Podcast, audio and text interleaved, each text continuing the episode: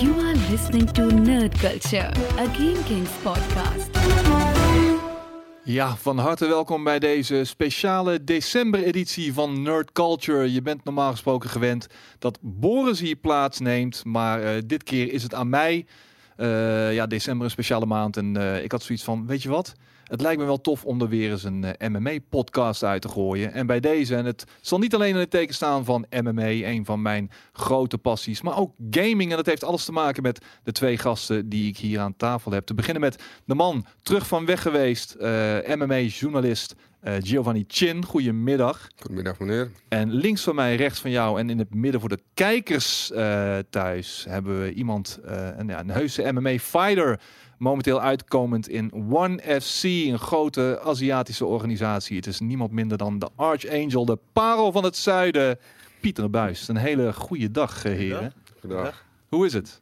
Top. Ja? Ja, gezegend. Ja, zoals ze dat zeggen. Oké. Ja, eh, evenals eh, als, als mij afkomstig ook uit Breda. Zeker. Er komt zoveel talent uit Breda. Vanuit alle hoeken. Of het nou gaat om muziek of sport of whatever. Het, de, al het goede komt uit het zuiden. En En, eh, heerlijk meer. Ben ik niet mee eens. wat, wat wil jij nou weer ik vertellen? ben een Groninger, dus al het goede komt van boven. Nee, dat is nee, niet waar. maar eh, goed dat jullie er zijn in ieder geval. Het, eh, ik vind het tof eh, dat jullie de tijd hebben kunnen vrijmaken om eh, hier plaats te nemen. Ik bedoel, ik mag aannemen dat jij natuurlijk echt elke dag wel zo'n beetje aan het trainen bent. Twee tot drie keer per dag. Twee, twee tot drie keer per dag zelfs, ja. Je hebt eh, gelukkig je les kunnen wisselen met iemand anders. Yes. En eh, ja, jij komt natuurlijk helemaal vanuit het eh, noordoosten van het land. Maar eh, goed ook dat je... want Jij bent rete druk, daar gaan we het ook zo meteen allemaal Ja, over zeker, hebben. Zeker. Maar eh tof dat jullie er zijn. Ehm, ja, ik zeg dus al MMA, deze podcast, maar zeker ook gaming. Want eh, ik heb me laten vertellen door Gio dat jij ook een vervent gamer bent. Zeker, ja. Mee opgegroeid. Ja? Ja. Met, eh, vanaf dat ik me kan herinneren, de 8-bit, Nintendo. Gamen voor het leven. Ja. En wat speel je vandaag de dag? Eh, die Outer Worlds heb ik net eh, uitgespeeld. Kijk eens aan. Eh, een beetje met mijn zoontje Mario Kart. Hij is vier jaar, dus hij heeft een Switch gekregen. Rot erbij, dat is gewoon traditie in onze familie. en dan ja, gewoon veel gamen. Fortnite, Mario Kart. Maar ik persoonlijk hou van echt van die goede verhaal eh, games. Mhm. Ik zit even te wachten op misschien dat ik Borderlands nog bij ga kopen of zo. Oké dan. Tof. En jij? Want jij, van jou weet ik ook dat je nog eh, veel gamet. Zeker. Ja, Modern Warfare, all the way. Ja? Te veel, is te veel. Gisteren Welke game mode speel je? En eigenlijk de laatste tijd, Headquarters, en Domination. Is sowieso. mijn game mode I headquarters. know, I know. Ik, zie- ik zie ook de hele tijd, maar ik durf hem niet te joinen, want ik weet het. Als ik bij jou in de lobby kom, dan... ga- Dan moet je je game opsteppen, hè? Dat, dat, dat, daarom dus. Dus daar, ik doe dat gewoon lekker, gewoon alleen. Team Deathmatch ook. Niet hardcore, want dan word ik helemaal gek. Mhm. Dus eh, nou, voornamelijk maar Modern Warfare. Ja. Oké, cool man. Maar eh, Pieter, aan Ja? jou kleeft toch wel een bijzonder verhaal. Ehm, ik heb natuurlijk al een beetje research gedaan. Daarnaast weet ik al natuurlijk wel eh, wat je allemaal doet en wat je allemaal gedaan hebt. Maar eh, bijzonder verhaal. Ik bedoel, de, de, de, de vuilnisman Ja, die uitgroeide tot een, eh, ja, toch wel een, een behoorlijke big shot in One FC. En over One FC gaan we het zo meteen uitgebreid hebben. Veel mensen zullen zoiets hebben van One FC, wat is One FC? Maar eh, even jouw verhaal in een notendop. Wanneer ben je begonnen met vechten en hoe heb je dat gecombineerd eh, met, met je werkzaamheden als, als vuilnisman destijds? Ik ben begonnen met vechtsport toen ik zes jaar was. Begon ik met judo. En ja, ik, in Breda had je Golden Glory in die tijd, dus iedereen die eigenlijk wel vechtsport. En eh, ja, zo ben ik eigenlijk vanaf dat ik me kan herinneren de vechtsport in beland. Dus van judo ben ik naar thaibox gegaan, heel lang gethaiboxd. Volgens mij inmiddels 100 partijen gedraaid. En eh, op een gegeven moment, mijn, mijn hart lag altijd bij eh, MMA. Vooral door Pride en de oude UFC-videobanden die ik dan thuis had. En toen ik 21 was, 22, toen had ik echt tegen mezelf gezegd van... dat is wat ik echt wil gaan doen. En eh, ik was net klaar met school. Een beetje een moeilijke periode achter de rug gehad.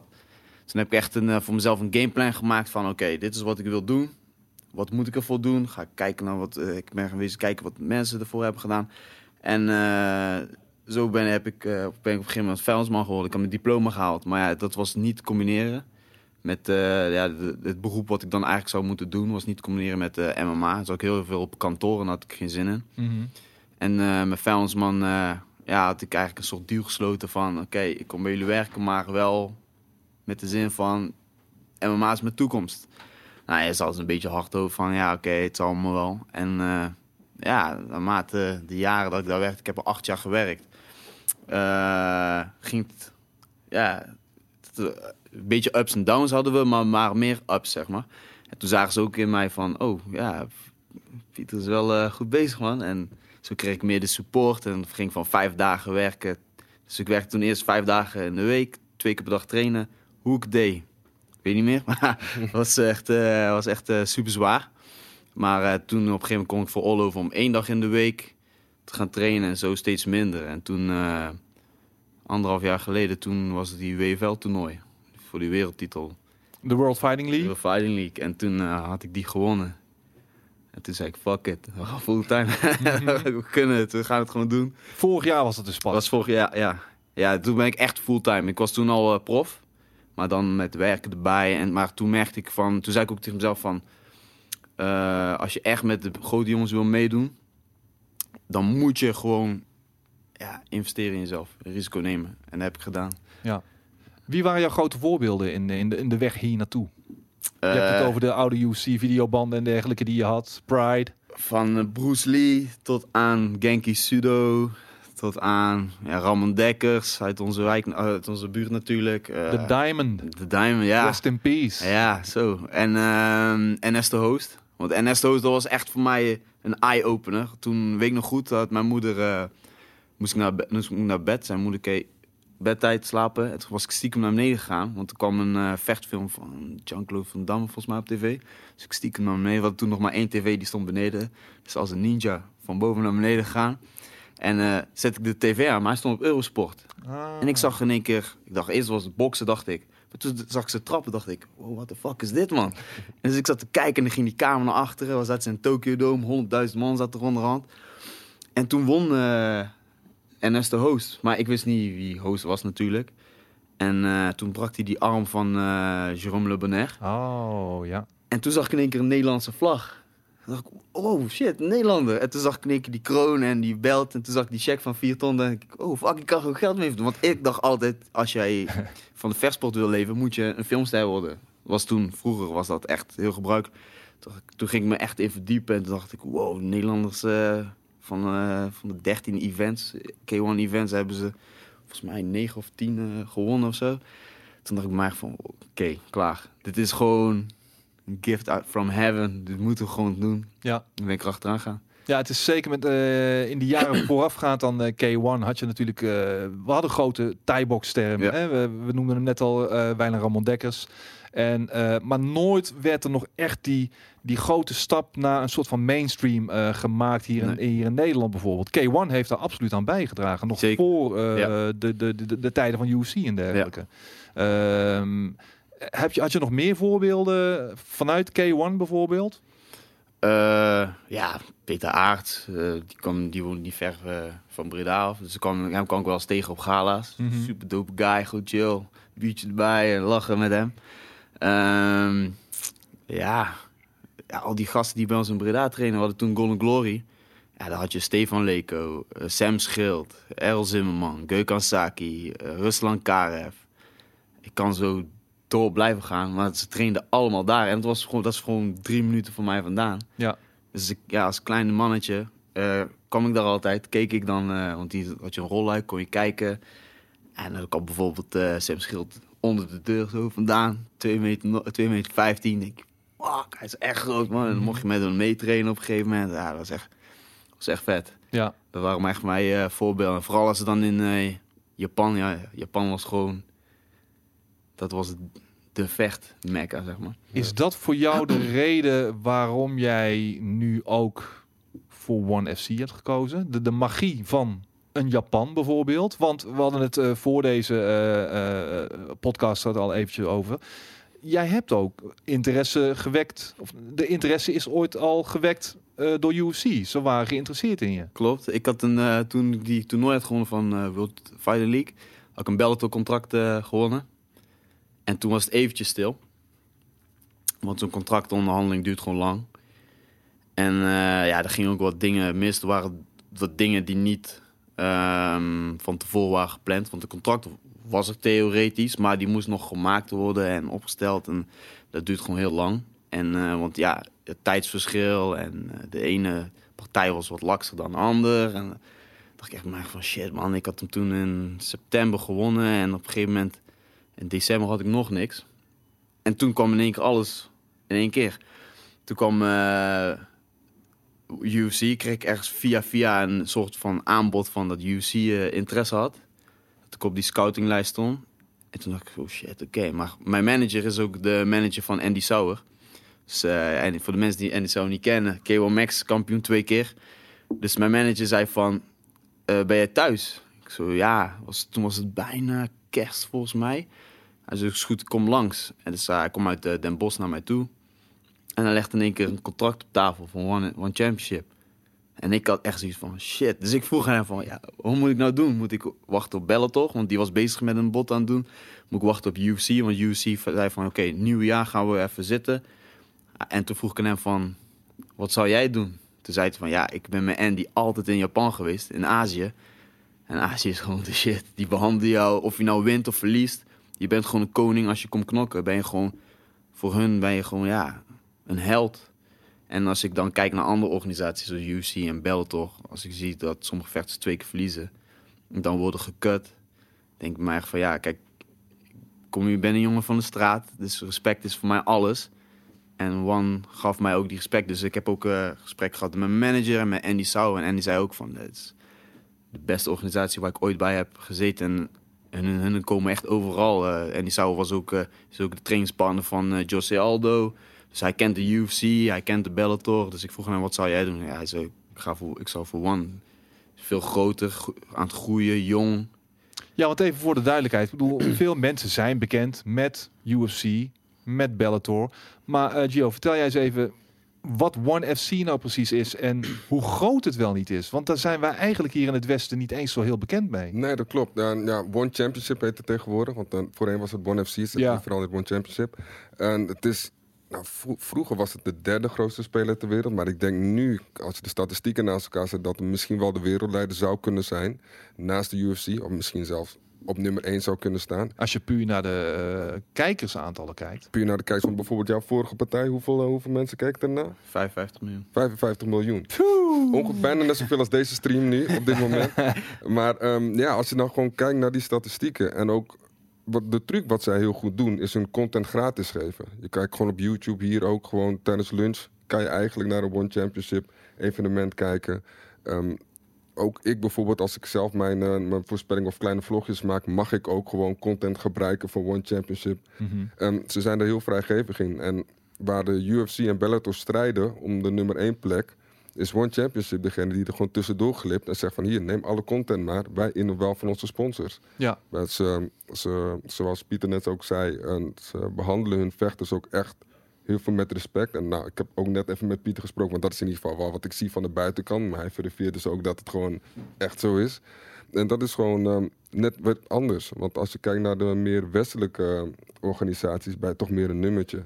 En heel zakelijk. En als je naar Azië kijkt en echt de bureau-gedachte en het respect. En dan is dat voor een vechter zou dat eigenlijk geen moeilijke keuze moeten zijn om dan toch voor One te gaan. nou ja, we gaan het zo meteen over een aantal eh, vechters hebben die de overstap hebben gemaakt naar eh, One. Maar ja, sowieso, ik bedoel, dat is wat veel mensen zich natuurlijk afvragen. Van, ja, als het gratis te zien is, waar zit het verdienmodel dan in voor One?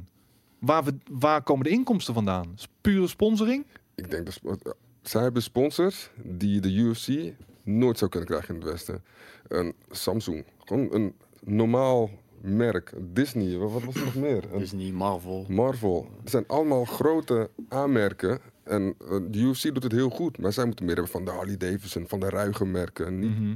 Van, de, van, van de merken die, eh, die iedereen zou kunnen gebruiken, zeg maar. Ja. Ik denk dat ze aardig wat binnen slepen daarmee. Ja, nou, en ze, ze hebben eigenlijk furoren gemaakt in een eh, vrij rap tempo. Ja. En op een gegeven moment, ja, ook voor het Westen kwam het veel meer aan het oppervlak. Toen bijvoorbeeld een Mighty Mouse, Demetrius Johnson. Wat zal het zijn, anderhalf, twee, eh, anderhalf jaar geleden ongeveer, een jaar geleden, de overstap maakte naar One. Eh, hetzelfde geldt voor een aantal andere UFC-fighters. Sage Northcutt, Sage Northcutt, eh, was het Diego... Nee, Eddie Alvarez. Eddie Alvarez inderdaad, ja. Eh, en toen hadden ze mensen van, maar wat, wat bezielt die guys? Is het puur een geldkwestie? Of is het inderdaad weet je, een combinatie van... hey, we krijgen daar het respect dat we verdienen. We zijn niet meer dan een nummertje. Ik denk dat het een combinatie van die verschillende factoren is. En nu zie je inderdaad eh, ook steeds meer in het Westen... mensen rekening houden met, eh, met One. Ja. Eh, merk jij dat zelf ook? Ja, ja, vooral omdat het, het is gratis. Je, je hebt de YouTube-channel, je downloadt de app. En dan vorige keer was ik bijvoorbeeld op het winkcentrum. En dan zag ik gewoon van die jonge gastjes op de stoel zitten. En er was toevallig een event bezig. En die zat op de app. Het is gratis. En toen zei ze, hey Pieter, wanneer moet je vechten? Ja, ik zei, vandaag niet, want je ziet me niet dus. Dus eh, eh, het is gewoon gratis, het is makkelijk. En het is ook... ehm, eh, Azië is een hele makkelijke tijdstip voor wereldwijd. Weet je? Ja. Daar is het dan 7 uur, hier is het 2 uur 's middags. ja, wij kunnen gewoon lekker tijdens lunchtijd Precies, gewoon events kijken. kijken. Terwijl bij UFC moet je toch in de nacht wakker blijven. En ja, het is, het is echt gefocust op Amerika. Voel je echt. Ja. Als, je, als je als Europeaan niet goed presteert, dan Ben je heel snel weg. ben je heel snel weg, ja. Ja, Je ziet het ook aan de Europese evenementen van, ehm, van de UFC, waar ze dan toch weer iets minder aandacht aan besteden dan de grote Amerikaanse pay-per-views bijvoorbeeld. Ja, zeker. Eh, toch zijn er aardig wat eh, Nederlanders actief in, eh, met name de UFC. In Bellator ook nog wel een aantal, maar het is vooral UFC. Eh, ja, dit item komt waarschijnlijk pas later online, maar bijvoorbeeld dit weekend toch geen misselijke partij Zo. met Alistair Overeem tegen Rozenstruik. Rozenstruik, ja. Mag ik even, eh, toch even, en dan kunnen we daarna dan terugkijken. Eh, een prediction van jullie twee. Nou, Pieter, gooi hem er maar uit. Ik, eh, ik, ik heb hem al opgenomen. Ik heb hem al opgenomen. Ik ga voor Rozenstruik. Ja? Ja, Wat, wat verwacht je? knockout. Knockout? Welke Eerste. ronde? Eerste. Ja, dat dacht ik ook. Ja. Dat denk ik ook. ik niet. Nee? Ik, ja, ik, ik ga ook uiteindelijk voor Rozenstruik, maar tweede ronde. Ik denk dat op papier moet Alistair hem eigenlijk hebben. Op ervaring, skills, fight IQ. Eigenlijk moet hij hem overal hebben. Alleen Jacinho, die kan heavyweights neerkrijgen met de jab. Ja. Gewoon met de jab. Binnen een seconde of 40 ook nog eens. Ja, ja maar ik, ik denk dat Overeem, hij zit nu ook bij Team Elevation, dus dat is een, echt een, een worstelcamp zit hij nu. Eh, volgens mij bij Elevation nu. En ik denk wel dat hij Jacinho naar de grond krijgt in de eerste ronde. Misschien wat schade terug. Denk je niet? Nee. Nee, ik, Nee. Ik, ik denk het wel. En ik denk, Jacinho heeft uiteindelijk 25 minuten nodig om één jab te landen. Zo denk ik. En ik denk misschien in de eerste, maar ik ga, ik ga wel voor een tweede eh, een TKO voor de. Ja, voor mijn gevoel is het toch wel een beetje... Het is een 50-50. wij zeggen. Als Overeem me inderdaad naar de grond, grond kan krijgen... Ja, hoe gaat Rozenstruik eh, zich eh, houden op zijn rug bijvoorbeeld? Weet je wel? Dat, dat hebben we hem, in, die- in die positie hebben we hem nog niet echt gezien natuurlijk. Klopt. Ja, ik. ehm, maar ja, ook als voor hij overleeft het op de grond, moet ze toch weer staan. Precies. Heeft hij toch weer de kans om die jab te gooien of, of whatever. Dus ja, En is Overeem echt een grondvechter? hij heeft, Ja. heeft meer submission wins. Ja, maar als jij Jorginho ziet, die is, is echt groot. Ja, ja. Echt groot. Niks voor niks Biggie Boy. ik denk ja. dan gelijk aan eh Ngannou tegen Overeem toen. Ja. Toen was de game ook trek naar de grond. Ja, en Ngannou gaf hem gewoon eentje. En toen was het... eh, Zo. volgens mij is die vorige week pas wakker geworden. Zo hard was het. Ja, plus was- Overeem heeft er een aardig handje van, letterlijk, om zijn, zijn, zijn dekking, althans zijn armen, ja. redelijk laag te Ja. houden. Eh, als hij dat niet heel snel afleert tegen een rozenstruik, dan, dan, is het heel gevaarlijk. dan is het vragen om problemen, denk ik. En ik denk kin. dat. eh, ja, en Kin. kin. Dat is Kin het is ook probleem. een probleem. Ja. Dat is het probleem. Maar ik denk dat hij ook ongeduldig was bij Ngannou. Hij sto- stormde er ook meteen op af. Hij zette er had wat ietsje geduldiger moeten zijn. Maar ja, ik denk uiteindelijk wel Rozenstruik. Maar ik vind het inderdaad wel een 50-50.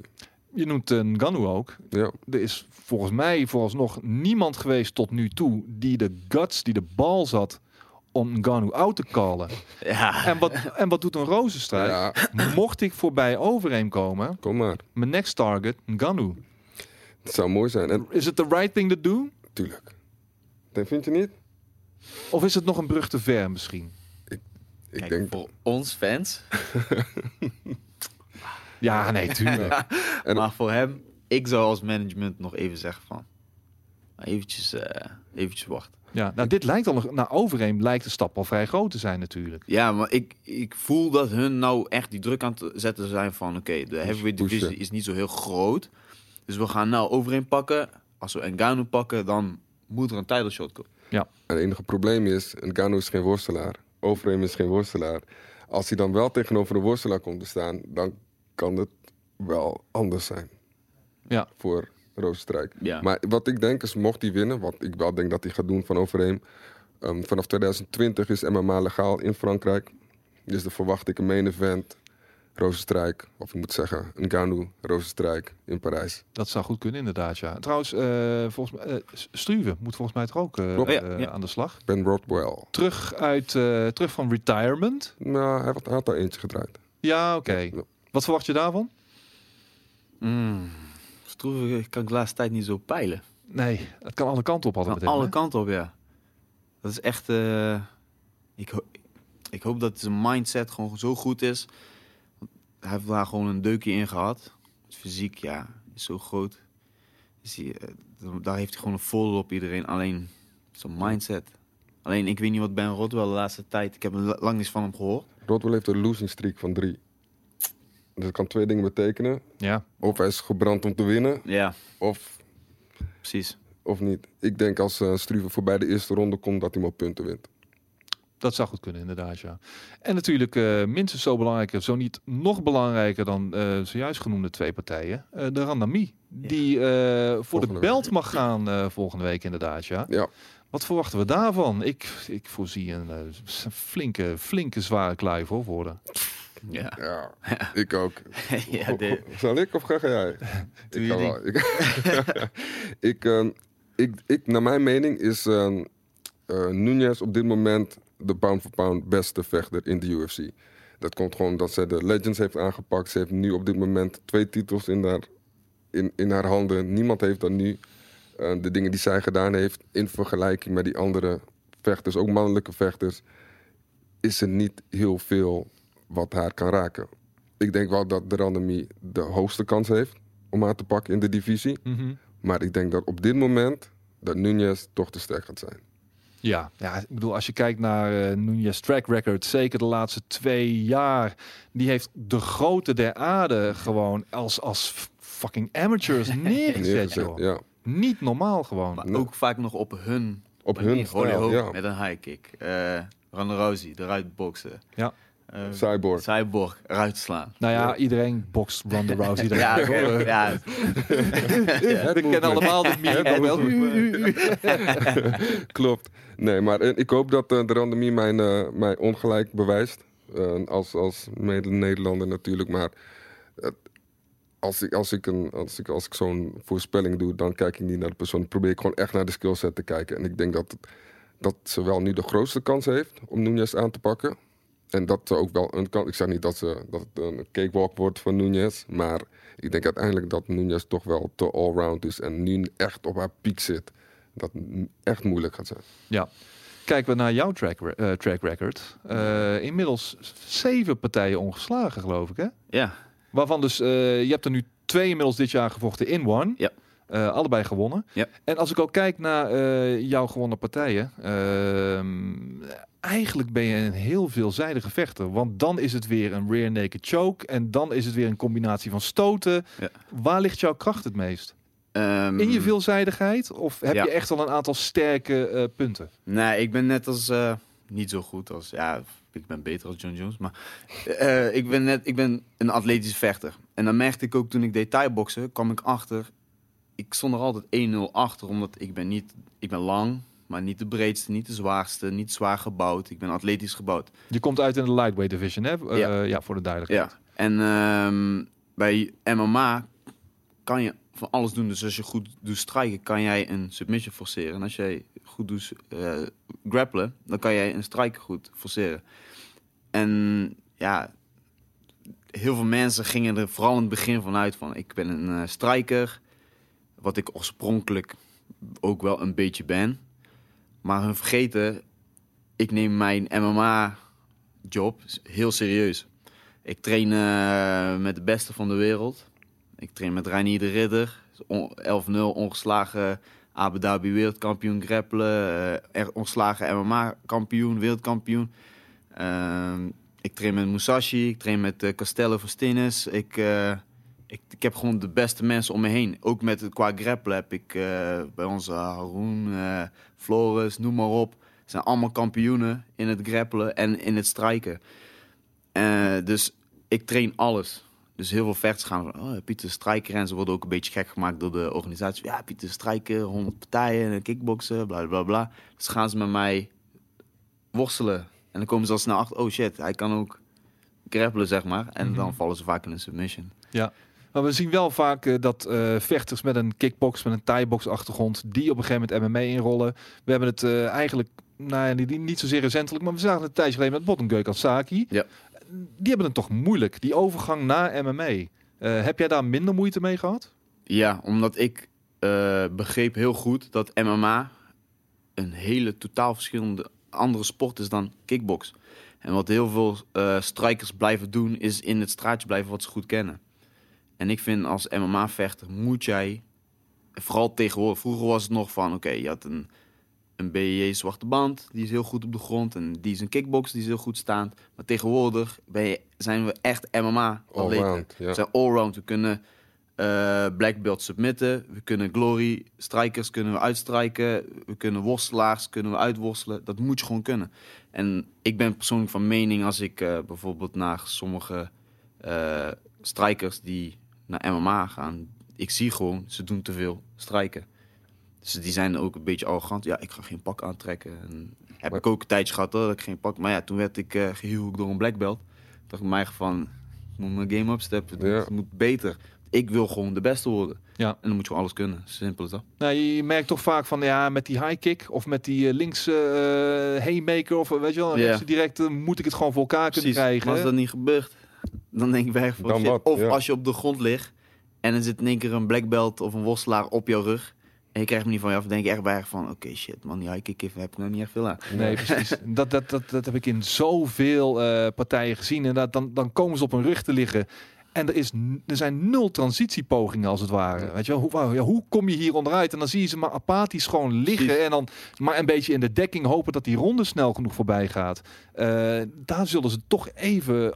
Je moet je, moet je eigen gewoon nederig maken en, Als een witte bander en gewoon witte weer, ja. En ik vind gewoon de moed. Kijk, eh, in MMA maakt niet uit welke band je hebt, want ik ben een blauwe band en ik submit black belts en brown belts en zo in MMA. Dus het is een ander spelletje, maar je moet goed begrijpen van, oké, MMA, je moet gewoon alles kunnen. Je kan niet veroorloven om te blijven staan of te blijven worstelen, want op een gegeven moment mensen zien jou ook eh, presteren en die gaan er ook een gameplan op maken. Ja, Dus ik vind persoonlijk, mijn advies is naar al die vechters: koop een pak, ga grappelen, doe no-gi, BJJ, strijken, boksen, krachttraining, alles op en eraan. ja, precies. Want dat is eigenlijk wel een beetje wat de nieuwe lichting van de laatste pakweg 5, 6, 7 jaar... eh, waar ze om bekend staan. De Ja. veelzijdigheid inderdaad. Het, Ja. is een, eh, het is niet meer te vergelijken, eh, MMA, met, nee, met pakweg 10, 20 jaar geleden. Want dan had je inderdaad, je had de karateka, je had de, de judoga, je had de muay thai guy, je had, eh, weet je, noem het Precies. allemaal maar op. En dat is allemaal veel meer naar elkaar toe getrokken. vooral die. Kijk, wij, Reinier en ik, wij zijn de oudste van de nieuwste generatie. Maar die young guns, zeg maar, die nou aankomen, ook bij ons in de gym, je hebt gewoon gastjes lopen van 16, 17 jaar. Hey, die maken gewoon eh, een menigte black belt of een brown belt gewoon zwaar moeilijk. Ja, In Echt. MMA dan. En, ja, snap je? Dus, maar ook in het grappelen zelf. Ze zijn tegenwoordig, hebben ze zoveel toegang tot alles. Wij moesten dan, eh, of de vorige generatie, die moest of in Brazilië Brazilian Jiu-Jitsu doen, of in Nederland eh, de Kickboksen, of het worstelen in Amerika. Nu, je hebt één gym, alles onder één dak. Strength and conditioning coach, voeding coach, alles op en eraan zit er allemaal in. En ga maar. ja. Als je zo wordt opgevoed, vooral, ik denk de generatie na ons is, pff, die kan alles.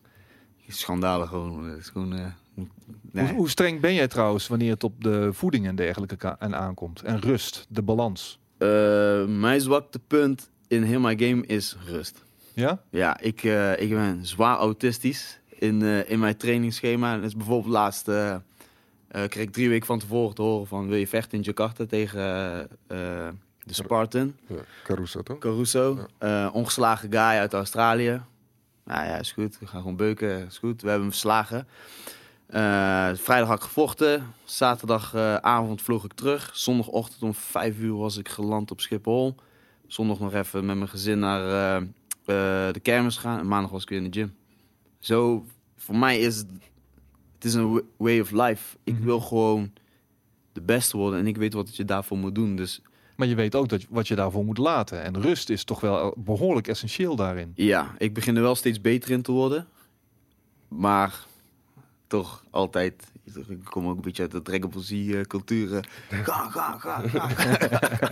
Is je lichaam kapot? Goed, dat betekent dat jij de next level aan het bereiken bent. Maar soms moet je ook even tegen jezelf zeggen van... Oké, net als gisteren, Sinterklaasfeest. Oké, Pieter. Neem gewoon even je rust. Even Mhm. chillen, even relaxed. Even genieten. En dan geniet je ook, maar toch zit je van binnen. Dan ging ik douchen. Zat ik eh, een telefoontje wegleggen. Kijken we naar UFC of naar Wanna See. Aan we kijken. Shit, oh, die move moet ik even onthouden. En dan, je blijft er, of ik nou aan het trainen ben, of op de mat of buiten mat. Dat is, dat is, dat is ook die klik tussen mij bijvoorbeeld en eh Reinier en Haroon en mijn trainers en zo. We zijn heel de dag en mee bezig. bijna. ja, heel de dag mee bezig. Of we nou in de auto zitten ergens heen. Ben je bezig? Ja, maar dit moet beter, dat moet beter, zus moet zo. Ah, dat is, ja, dat is mijn zwakke plek, de rust. Maar die drive heeft je wel hier gebracht uiteindelijk. Ja, Want ik, ik, volg, ik volg zijn carrière echt best wel lang al, zeg maar. Voor, um, zeg maar zonder de grote spotlights. Wel kleine spotlights, maar zonder de grote spotlights, zeg maar. De wel- lokale events en dergelijke Ja. hier in is- Nederland ook. Het is altijd diezelfde drive geweest. Het is altijd het harde werken geweest. Hij viert niet eens overwinningen volgens mij. nee. Nee? nee, ik had die wereldtitel toen gewonnen op zondag. En maandag was ik weer, eh applausje, tjuk, tjuk, tjuk, even naar de wethouder van sport in Breda. High five. Oké, hey, laatst ik ben trainer, man. Ja. Maar je, je zegt al, je volgt hem al wat langer. Zag jij al in een vroeger stadium van deze guy, meer dan anderen hier in Nederland, kan nog wel eens een stap verder eh, geraken? Nou, in, in eerste instantie was er meer persoonlijkheid. En, en ook, hij snapt hoe... Hij was een van de eerste die echt snapte hoe ook social media werkte. Hij zorgde ervoor dat de ogen op hem gericht werden. En, en hij bleef wel nederig. Hij is nog steeds nederig, maar hij maakt zijn woorden wel waar. Dus je ziet die drive. En ik vond het verhaal sowieso mooi waar, waar hij begonnen en zijn werk. En de opofferingen die hij moet doen. En uiteindelijk toch te komen waar hij nu is. Het is wel mooi om dat allemaal te zien. En qua vechten, dan, dat zie je dan druppelswijs, zie je dat van, hé, hey, dus ik, ik zie wel wat bijzonders. Hé, hey, een WFL, hij staat tegenover een black belt. Hij submit die black belt, zeg maar. Van dat soort dingetjes denk ik wel van, hmm, dit is wel interessant. En ik probeer dan wel objectief, zo objectief mogelijk te blijven, maar dat gaat moeilijk, want mijn zoon is helemaal Pieter Buist fan en Ja, handschoenen tegen de muur. En het, eh, is, eh, het is heel moeilijk om objectief te blijven dan. Maar het is, het is wel een, een, een weg geweest wat wel leuk is om gevolgd te hebben. En eh, nu zie ik steeds meer de, de, de ontwikkelingen als vechter ook. Maar in het begin was voor mij puur persoonlijkheid. En, en ook gewoon hoe die hier zit, gewoon chill. Zo is hij gewoon altijd geweest. En toen de tijd hadden we ook een soort podcast-achtig iets. En was voor mij een van de eerste gasten. En zagen we echt wel als een prospect van... hé, hey, die kan wel ver komen. Ja. En eh, die zit hier. Ja nee, zeker Ja, weten. ja. Ik bedoel, als je eenmaal bij GameKings eh en, en de. Nerd Culture aan tafel staat, dan heb je het gemaakt hoor. Ja. Ja, eigenlijk wel. ja. Kijk, vroeger altijd al. Dan dacht ik, oh man, die baan van hun is zo Zo. shit. Vergis je niet. O- overschat het niet. Overschat het niet. Maar eh, we doen dit al bijna twintig jaar met heel veel liefde en plezier. Dus, en dat hopen we ook nog wel aardig wat jaartjes te doen. Maar eh, ik bedoel, gaming toch wel een, het speelt, het speelt een grote rol in je. Is het niet zo, ik bedoel, je, je weet, je kent de verhalen. Mensen die tot diep in de nacht bezig zijn. Weet jij dat wel een beetje binnen de perken te houden? Ehm, ligt aan welke game er in mijn console zit. Want als het dan net zo laatst met The Other World. Zo, dan zat ik soms tijdens de training te denken van shit man, ik moet wel even gaan levelen, want die gun is daar en die moet ik hebben. En dan zit je wel te denken van shit, shit, shit, ik moet wel eh, ik moet gaan gamen. Vroeger had ik er, eh, vroeger, toen ik wel jong was, eh, ik heb wel Ja, je bent nu 31. 31 toen eh, met, met eh, Morrowind en Skyrim, dat was toen echt eh, chaos. Dat was echt gewoon dat ik soms zelfs zat te denken van... Oh man, zal ik deze training overslaan? Om, om, om even te Ging het bij jou dan zelfs ook zover dat je op een gegeven moment de vogeltjes hoorde fluiten? Ja. ja? Ik heb eh, één keer, eh, was, eh welke game was het? Op de Playstation 1, Monster Rancher. Monster Rancher 2. Was met een maat van mij, hij sliep op zolder bij zijn ouders. En dan hadden wij, eh, bij Schouwen Kip, hadden wij 5 kilo kip gehaald. En dan gingen wij ja, om de game, om de twee uur, eentje ging slapen, eentje ging gamen. Twee uur later maakten we elkaar wakker en dan gingen we slapen Wow. en gamen. En zo hebben wij anderhalf dag volgehouden. Wauw. In de zomervakantie was dat. Op Op, kip. kip. Alles vooraan. Die, die moeder kwam één keer in de zoveel tijd naar boven kijken of we nog leefden.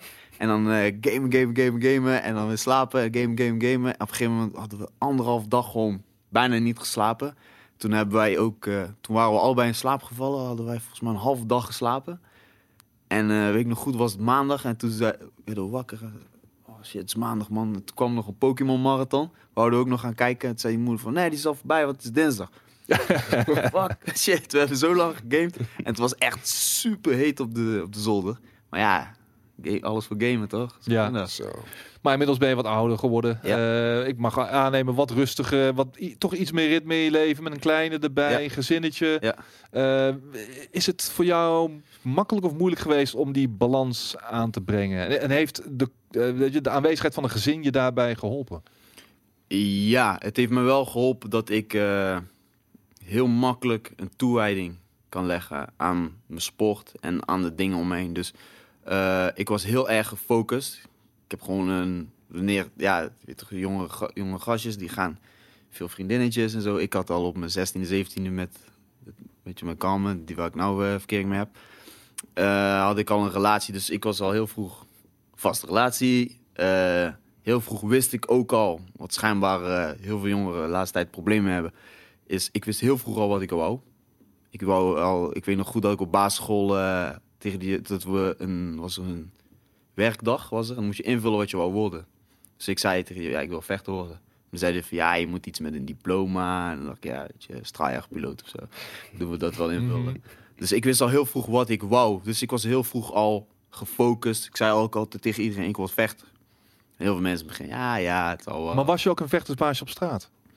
Ja en nee, ik, was, eh, ik hield wel van knokken. We gingen wel bijvoorbeeld, ik en mijn, en mijn neef eh, Peter, gingen we dan eh, zaterdagavond twee uur s'nachts. kwam iedereen dan naar buiten uit de club. En dan gingen we kijken waar we konden knokken.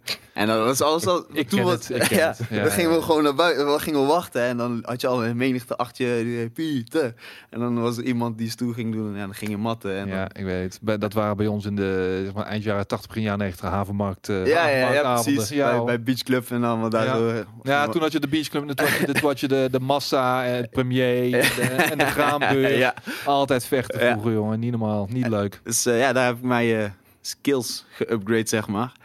Dus, maar ik hield er meer van om, om mezelf te testen. Dus als dan, eh, dan kwam iemand naar me toe, had hij een klap op zijn gezicht gehad. Pieter, ah, ik heb een klap gehad, je moet me helpen. Dus gingen we naartoe en bleek gewoon de gasten zijn van twee meter. denk ik, ja, fuck man, had je niet iets kleiner kunnen uitkiezen. Dus ze gingen weer matten en dan won je. En dan dacht ik, yeah, shit. Maar ja, eh, ik had niet zoiets van, ik wil iedereen in de kaas slaan. Dat had ik weer niet. Ik wou gewoon, oké, hoe goed ben ik? Mhm. Kan ik die gast die twee meter is, kan ik hem verslaan? We gaan gewoon testen. We gaan gewoon, we gaan gewoon kijken hoe ver we gaan. Maar het was wel van, als het klaar was, was het ook klaar. Ja. Dus als ik de dag erna of de week erna of diezelfde avond hem nog zag. Hé, hey, sorry man, was, eh, ja, was niet zo bedoeld. Eigenlijk wel, maar was niet zo bedoeld. eh, kom gewoon wel eten of zo, is goed. Ja, en dan eh, was het weer over. Ik moet, ik moet meteen weer terugdenken aan een moment. Ik bedoel, je hebt het over gasten van twee meter, lang, eh, twee meter lang. Ik moet weer meteen terugdenken aan een avond in de, in de Graanbeurs. Dat was gewoon de tuigtent van Breda, Ja. eh, eind jaren 80 zeg maar. En eh, was onder meer met eh Ramon Dekkers en zijn- en en zijn broertje. Ja. En ehm, we, we stonden in de buurt, want zij hadden ook vriendinnen die ik goed kende en zo. Eh, en op een gegeven moment was een guy van zeker twee meter lang. En die kwam opeens stoer doen. En Ramon was niet te groot. Nee, dat was- 1 meter, wat zal die zijn? 1 meter, 70 man. 1 meter 70 max in de, inderdaad, ja. En ik zat te kijken en een beetje moeilijk doen aan elkaar. En opeens zie ik dat been van Ramon helemaal de lucht ingaan. Op die kop van die guy, weet je wel. Gestrekt. Ik dacht, holy shit, weet je wel. Ramon, man, Ja, you the ja. man, weet je wel. Maar, en dat soort dingen gebeurden praktisch elke donderdagavond in de Ja, Brabantse was binnenstad. Ja, Alleen het was, vers- het verschil nu tegenwoordig is dat ze niet alleen bij knokken houden. Nee, tegen En precies. daarom kan je dus beter in een, in een, in een kooi of in een ring vechten. Want Ik tegenwoordig een bierkan in je gezicht gedrukt. Precies. inderdaad, ja. Dat is maar het gevaar. goed dat je dat achter je hebt weten Ja, te laten. Eh, dat je, je, je- hopelijk kom je niet meer al te vaak in dat soort situaties. Ik kom eigenlijk, ik ben al sinds mijn 17 of 18 niet meer in de stad geweest eigenlijk. Moet je ook niet doen, joh. Nee. voor mij is nou echt alles wat niet nuttig voor mij is, doe ik niet. Dus als iemand, ik vind voetbal is niet echt mijn ding. Dus als ik een bal naar me schiet, ja, sorry man, dat is niet mijn ding. Mhm. Stad uitgaan, weet, soms volk er ook mensen. hey Pieter, je hebt gewonnen, kom gaan naar stad. Nee man, dan ga ik gewoon naar het hart van Breda, koop ik nachos, eet ik die op, ben ik weg. En dan, want ik, voor mij voelt het altijd van, oké, je hebt gewonnen, je hebt ervan geleerd, op naar de volgende. Voor mij voelt elke keer als ik win alsof die target op mijn rug nog groter wordt, nog groter wordt. Iedereen begint jou te zien en dan denk je, oké, ik kan niet meer op die level blijven waar ik nou ben. Ik wil gewoon elk jaar wil ik drie of vier keer het gevoel hebben van ik ben nog beter geworden. Als ik dat niet heb, dan ga ik helemaal stress. Denk shit, daar gaan ze mij eh, verslaan. En... Nee, ik hou niet van verliezen. Nou, winstreak van 7, twee partijen in One Championship, inmiddels eh, een, een W achter je naam. Wat zijn je plannen voor? Heb je een traject uitgestippeld eh, van, of, of heb je zoiets van, nou, we zien het wel. we- we- ik heb zoveel fights in mijn contract. Hoeveel is dat? Staat dat vast? Ik heb eh, voor twee jaar getekend, zes gevechten. En eh, ja, ik ging- ga nou al een beetje de wandelgang rond dat ik bij, alweer bij ga tekenen. Dus ja, voor mij is het gewoon, ik ben hier gewoon om te domineren.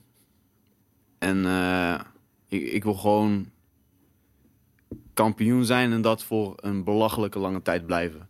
En ik wil ook die angst wekken bij vechters. Dat als een manager belt van, hé, hey, eh, we hebben gevecht voor jou. Tegen wie? Pieter Buis. Dat je al van... ah.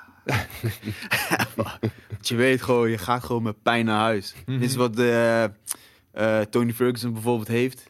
Mijn held. Ja, Elke koei. Ja, je hebt ik, als- wil, ik wil het ook nog wel. Vorige keer hadden we het ook Ja, al over Tony. dat- ik ja. heb het altijd over Tony met hem. Maar ik wil het sowieso, sowieso nog wel even over die hem gast gewoon, je hebt gewoon een plaatje van hem dat je als je tegen Tony Ferguson vecht, zie je al die hoofden Die bebloeden, helemaal inderdaad, kapot. ja. Dat, is, dat is wat je bij mij, eh, dat, dat, tot nu toe al die tegenstanders, ze weten gewoon van, als je op de grond ligt, krijg je gewoon een pak knieën. dat is het. Hoe lang is jouw weg nog naar eh, een eventuele championship fight, denk je? Geef me nog een jaar. Een jaar? Ja, geef me, ik denk, de, ik weet 100% zeker, binnen deze contact eh, heb ik die titel. Oké. Want hoeveel... Ja, je- is er ook sprake van een ranking in, eh, in, in One? Ja en nee. Je hebt, eh, het is, bij One is het meestal gewoon de winstreaks, de, de populariteit helpt natuurlijk ook mee. Net als bijvoorbeeld bij Eddie Alvarez, die heeft eentje gewonnen, eentje verloren. Of nee, twee gewonnen, eentje verloren. Dus hij is populair, dus hij zal wat sneller eh, naar de titel kunnen gaan. Maar bijvoorbeeld, eh, laatst was eh vroeg One, eh, wie jullie zien tegen Sage Northcutt? Toen had ik gestuurd, en toen had One ook iets teruggestuurd van, dat is wel interessant, ja. Ah, maar de, ah, dat, is, dat is een makkie voor je, man. Hem wil ik, en maar hem wil ik gewoon slaan. Dat snap ik. Wil ik gewoon slaan. ik heb die- geen problemen met hem. Ik, heb, ik respecteer hem echt. Maar hij heeft echt zo'n lekker hoofd. Die, dat is het ding. Hij heeft een hoofd om gewoon Oh. lekker toe te hij takelen. heeft Hè? echt zo'n major glory hoofd. Zo. Die wil je gewoon mm, aanpakken. Maar heeft hij überhaupt al gevochten in One? Eentje. Ja, En toen heeft hij gelijk eh, pak slaag gekregen. ja, Ja, één toch? hoek van Cosmo Alexander. Toen had hij eh schedelfractuur. Volgens mij had hij 17 breuken of zo in zijn hoofd zitten. dus Ja, Mijn hemel. hard aangepakt. hè. Ja, het kan ook anders. Het kan zomaar anders lopen. Het als kan in jij, één eh, keer, vanaf eh, een grote organisatie als UFC de overstap maakt. Het kan ook helemaal de verkeerde kant op slaan. Dat is wat veel vechters nu niet meer doen. Maar in het begin had ook. Ga naar One. Ik krijg meer betaald. Niveau is lager. Ik laat dat zag je, zien, ja, ja. dat zag je bij Eddie Alvarez. Die kwam. Hé hey jongens, dat is goed. Zo, die kreeg gelijk een assboepen. Ja. Ja. Die Mies Johnson's eerste partij was gewoon, Ook, ook lastig. gewoon super lastig. Ja. Sage Ja. Northcutt is er gewoon uitgeramd. Dus het, het niveau, het is, een, het is een beetje een, eh, ja, een slapende hond, zeg maar. Iedereen kijkt eroverheen, maar als je erin zit, denk je, oh shit, niveau is echt wel hoog, zeg maar. Ja. Verwacht je dat dat in de, ja, dat die kentering is nu al gaande? Verwacht je dat dat eh, de komende jaren echt wel anders gaat zijn en dat er ook steeds meer eh, feiten, eh, gewoon fighters die hoog in aanzien staan bij de andere organisaties, dat die gewoon bewust de overstap gaan maken naar One bijvoorbeeld en het ook echt meteen vanaf day one serieus gaan aanpakken? Ik denk het wel. Ik denk dat One een goede player is in de game. Voor, vooral voor, je hebt nou keuze. Je hebt nou een keuze van, oké, ze betalen allemaal hetzelfde. En mag je je eigen sponsors eh, op je Bij One mag je eigen sponsors meenemen. eh, ligt eraan welk, eh, ook welk land je vecht. Dus bijvoorbeeld eh, in Jakarta mocht ik geen CBD eh, bijvoorbeeld. Mhm. Wat ik eh, uiteindelijk wel goed heb gedaan. Want toen ik in eh, Kuala Lumpur landde, zeiden ze... Als wij iets van dat soort dingen vinden in je koffer, word je onthoofd. Dacht ik maar van... What? Oh, fuck.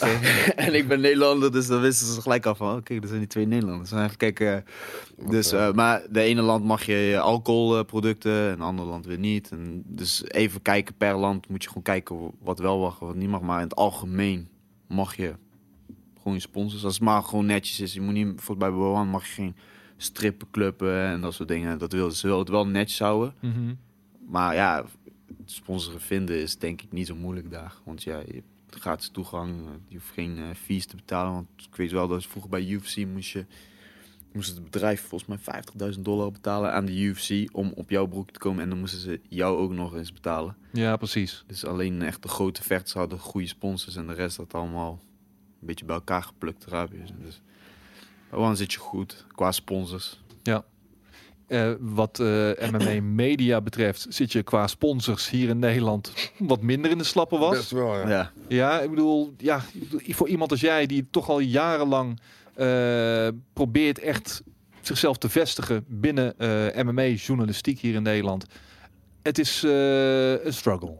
Ja, het is lastig. Het is eigenlijk allemaal afhankelijk van hoe de atleten het doen. Ja, En zodra ehm, echt weer iemand kampioen wordt en echt weer een headlines maakt en echt weer dat op het niveau van bijvoorbeeld Rico van Hoeven zit, qua, qua populariteit, ehm, wordt het lastig voor MMA, eh, onafhankelijke MMA-media. Dus eh, ja, dat eh, is wel iets wat, waar we een tijdje mee vechten als, als community MMA-media-leden. Ja. zie jij perspectieven? En als onafhankelijk is het lastig, nog steeds. En ik zie wel mogelijkheden bij omroepers. Ik zie wel mogelijkheden bij een Veronica die, die het een en ander probeert op te pakken met UFC en met Glory, Spike natuurlijk, met Bellator. Ehm, eh, er is nog geen omroep of geen bedrijf die One Championship eh, overneemt, maar dat, hoeft ook helemaal niet. One Championship die doet het prima zo op YouTube, die doet het, die doet het al goed. Dus ja, bij omroepen zie ik wel een kanteling komen. Ik zie dat Veronica en Spike toch wel een beetje de strijd met elkaar aangaan van wat is het vechtsport eh, zender van Nederland. Maar vind je dat ze het goed aanpakken? Wisselend. Ik denk dat Veronica iets meer... Veronica heeft marketinggoud in handen. Ehm, alles is al kant en klaar. UFC heeft alles al. De trailers, alles hebben ze al. Alleen de focus is niet echt op vechtsport. Het is meer op, wel op Glory wat meer natuurlijk. Niet met het grote gevecht dat eraan komt. Alleen ehm, denk ik dat Spike net iets meer... ehm, net iets meer wil investeren in de vechtsport. En net iets meer wil laten zien van... Hey, dit zijn de vechters, we geven ze een platform. En eh, ja, wat dat betreft, kijk, Talpa Veronica heeft ook veel meer andere dingen die ze aanbieden. Dus je kan niet volledig focussen op vechtsport, want ze hebben voetbal en ze hebben dingen die het grote publiek interessanter vindt dan vechten. En Spike die focust iets meer op vechtsport. Dus ik denk dat zij nu wel een 10-9 voorstaan in de eerste ronde, zeg maar, eh, in dit gevecht. Je noemt het eh, trouwens net, eh Verhoeven, Badahari. Ja. Eh, zit er ook eh, aan te komen. Wat zijn jullie verwachtingen daarvan? Badder. Ja? Ja. Denk je niet dat hij net al dat hij toch alweer wat te lang uit de game is? Geen ring rust? Ja, maar Rico is ook best wel... eh, Ja, toch wel? Ja, maar minder lang, toch? Ja. Wanneer was het laatste? Ehm, Arena, laatste gevecht van Badr was tegen Gerges. En van Rico, dat was... was volgens mij Arena. Was dat, was dat, ik weet het niet meer, de laatste van Rico. Was het niet tegen... eh, Die Braziliaan volgens mij. Was het niet in China inderdaad, tegen Bigfoot? Oh nee, nee, Nee, was nee, het nee. uh, Guto Innocent Ja, in, was de- dat, in de eh, Arena was dat. Was in, of een, ja, Rai, was het Rai? Nee, was Amsterdam Arena. Ja, was het Rai? Of was... Ja, ik weet niet. Ik Het maakt ook allemaal niet Het uit. maakt niet uit. Ja, ik, ehm, ja ik, eh, ik kan misschien wel wat controversieel zeggen. Want natuurlijk na het gevecht tegen Gerges was wel bekend geworden van Badr Hari en SD Gerges dat ze op doping betrapt waren. Dat is eh, vervolgens heel snel weer rechtgezet of onder de bank geschoten. Ik weet niet precies hoe dat zit. Maar ik denk, ik denk, ik denk dat Rico wel zou moeten winnen. Behalve als Badr weer leuke supplementjes heeft. Ja, en, en bij Glory Name is het geloof ik niet meer zo nauw. eh, er was toen die, die antidopingorganisatie, Ja, nee, eh, dat ja. contract eh, in één keer weggegooid. weggegooid inderdaad. Ja. ja, ik, ik, eigenlijk de, de, er was een persconferentie voor Collision 2. Was ik heen geweest. En voordat ik daarheen ging, had ik gebeld met de Nederlandse dopingautoriteit om te vragen wat er eigenlijk aan de hand was. En dat bleek dus inderdaad toen twee vechters betrapt waren. Zij wouden geen namen noemen. Nou, dan 1 plus 1 is 2. Maar toen wou, wouden ze niet meer met die samenwerking verder gaan. En toen hebben ze gekozen voor een andere partij. En ehm, de Nederlandse dopingautoriteit is gelinkt aan WADA, dus Wereld Antidoping Association, of Agency zoals het heet. Die eigenlijk wereldwijd dopingcontroles doet. En er is toch wel een aanpassing gedaan in hoe lang de mensen geschorst, geschorst zijn. Eigenlijk is het vier jaar. En nu is het twee jaar. En ik weet het fijne er ook niet van. Ik weet in ieder geval dat Gerges dat hij wel excuses heeft gekregen. En dat bij hem toch eh, niet correct was dat er iets bij hem was gevonden. Ja. Maar bij Badr heb ik eigenlijk niet zoveel gehoord. Nee, dat is een beetje, eh, Een beetje, een onder beetje- het eh, vloerkleed geschoven allemaal. Hè? Ik weet niet precies hoe het zit. Ik, eh, binnenkort eh, moet ik binnenkort eh, ben ik eh, weer van harte welkom bij, het, eh, bij de persconferentie. eh, bij de weging. En ik, eh, Ja, moet je daardoor ook wel hier en daar je woorden wat meer eh, afwegen? Of heb je zoiets ja, maar ik, ik word uitgenodigd als journalist, niet als PR-guy. precies. Dus ik ga ook echt vragen stellen die ik echt wil zien. Ja, iedereen gaat dan van, hé, hey, wat vind je van Rico? Nou, ik vind hem een stuk, oh, wat vind je van Badr? Oh, ik vind hem ook een stuk, oh, we zijn boos op elkaar, we gaan vechten. En dat is allemaal PR. Ik wil juist gewoon vragen stellen die, waarvan ik echt denk van, hé, maar hoe de fuck zit dat? Straks word jij de, de Nederlandse Helwani en Ja, eh, maar ik- kotst iedereen je uit. Ja, maar ja, het, eh, ik, eh, ik- ja, Zolang het geld ik ben, binnenkomt.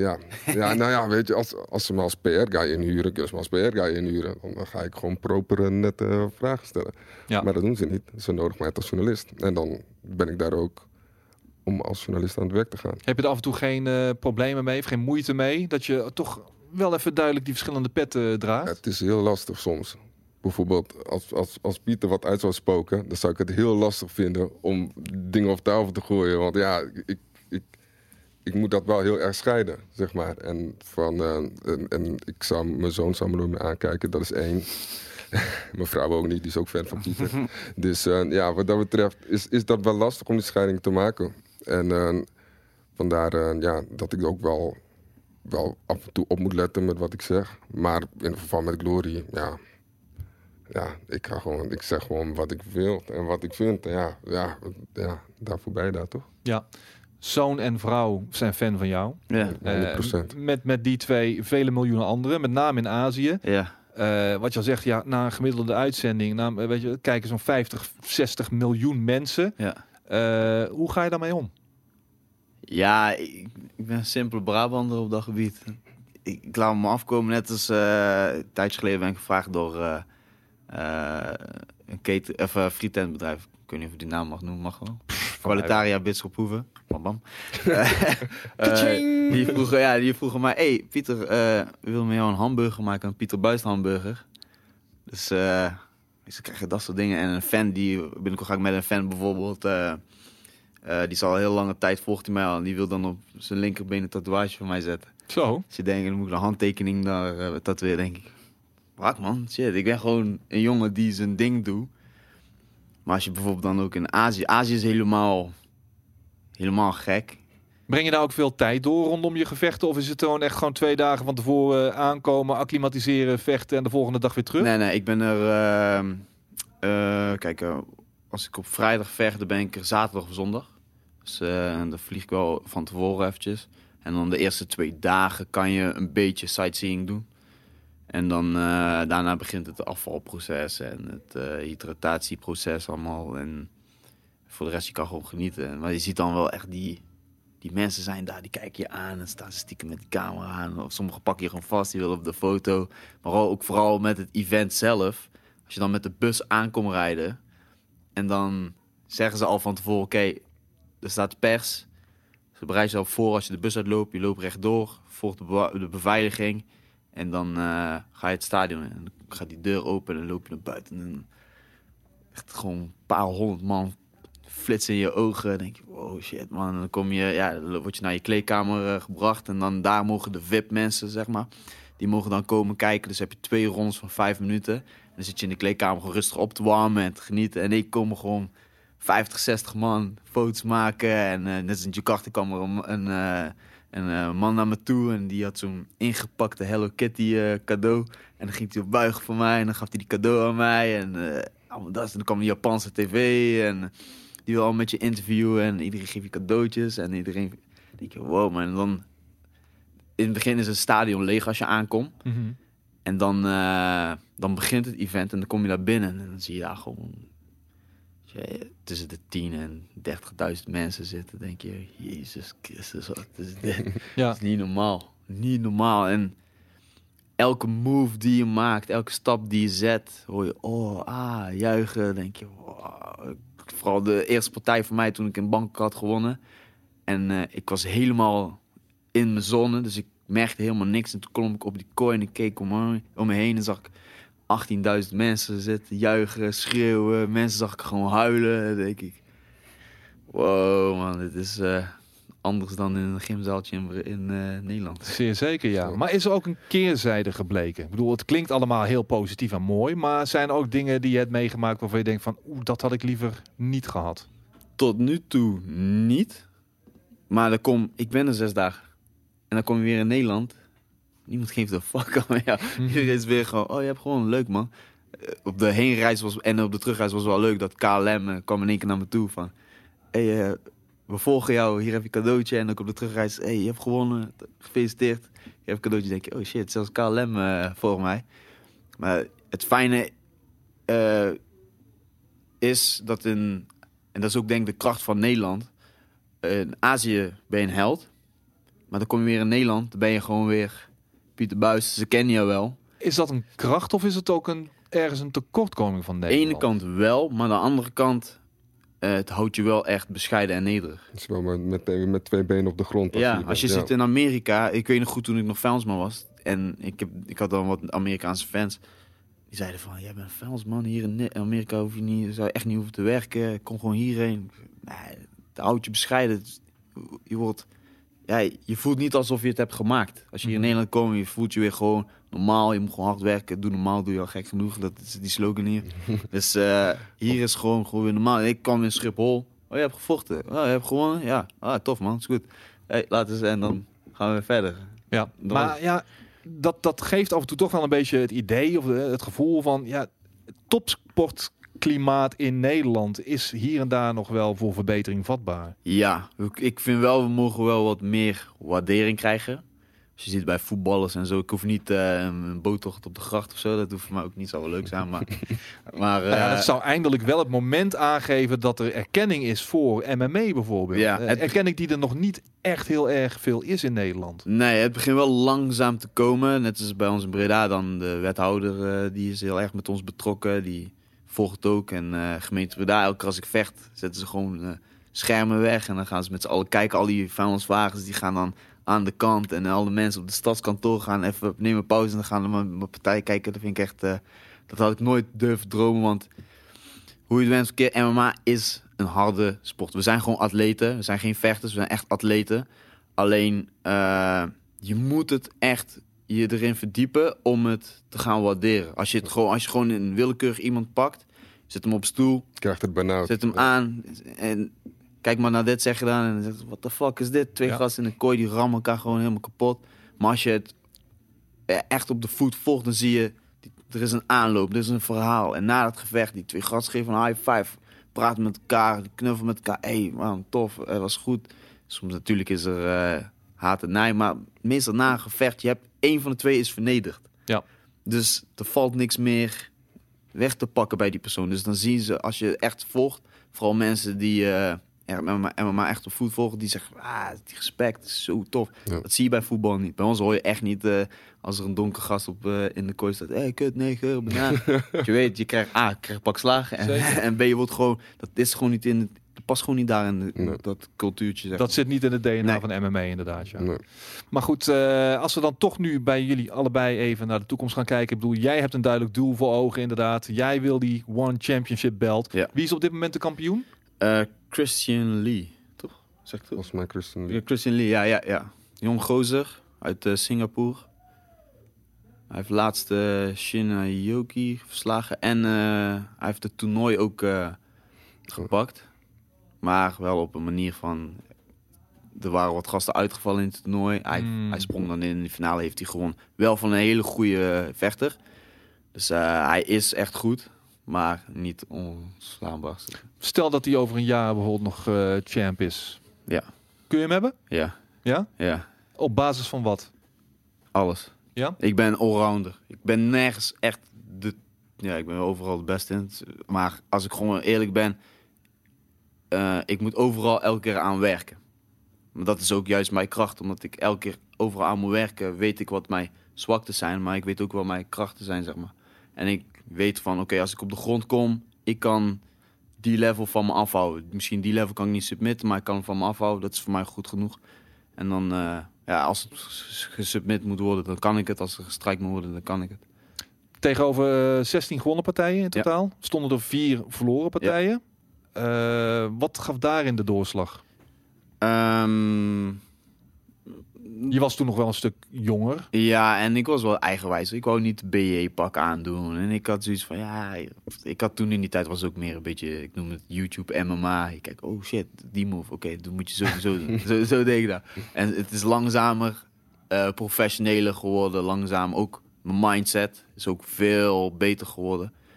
Want ja, je traint nou met de beste. Dus dan moet je mindset wel beter worden. En... eh, eh, mijn prioriteiten zijn ook scherper geworden. Eerst was het van, oké, eh, ik wil echt de beste worden en ik wil echt mijn werk van maken. Maar ik ging bijvoorbeeld een huis kopen. En toen was het nog, ah ja, morgen koop ik die huis, ik knok wel even. Nu is het gewoon, net als mijn, bijvoorbeeld mijn vriendin is zwanger. Eh, Gefeliciteerd. Dankjewel, dankjewel, dankjewel. En dan is gewoon, eh, als ik nou een partij zou hebben, alles zou daarom draaien, om die partij. Want ik weet, als ik goed presteer, hebben hun een goed leven. Dus ik, ik, ik weet nou echt wat mij... Ik begrijp ook echt wat mijn doelen zijn. En ik weet ook wat de, eh, ja, de offers die er voor, bijvoorbeeld voor moeten komen. Net als eh, vorig jaar was mijn oom overleden. Nou, mijn moeder komt oorspronkelijk uit Groningen. En dan moest ik eigenlijk naar Groningen gaan. Maar ja, ja ik, het klinkt heel hard dat ik dat zeg. Maar ja, mijn oom is al overleden. Ik kan niks meer doen. Dus ik ben gewoon in Breda gebleven. Want ik moest trainen voor die wereldtitelpartij. En niet iedereen wil dat, heeft dat ervoor over. Nee, snap ik. Maar kunnen we nu wel stellen met het contact van eh, One dat jij hebt, dat één gewonnen partij in ieder geval al eh, de toekomst van je gezin veilig stelt? Eh, ik verdien goed. En het kan altijd beter natuurlijk. Maar ik heb wel... eh, ik, ik, creëer ook langzamerhand de juiste mensen om me heen. Iedereen zijn neus staan dezelfde kant op. Dus we zijn ook heel veel bezig met... Waar kan je het beste in investeren? Eh, hoe moet je met je geld omgaan?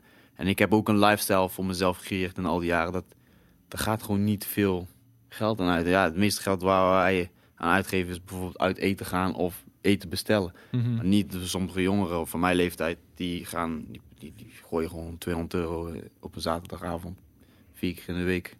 Of vier keer in de maand uh, gooien ze dat er doorheen. Nou, dat, dat is bij mij, bij mij is gewoon hypotheek, rekeningen. Nou, er blijft heel wat over.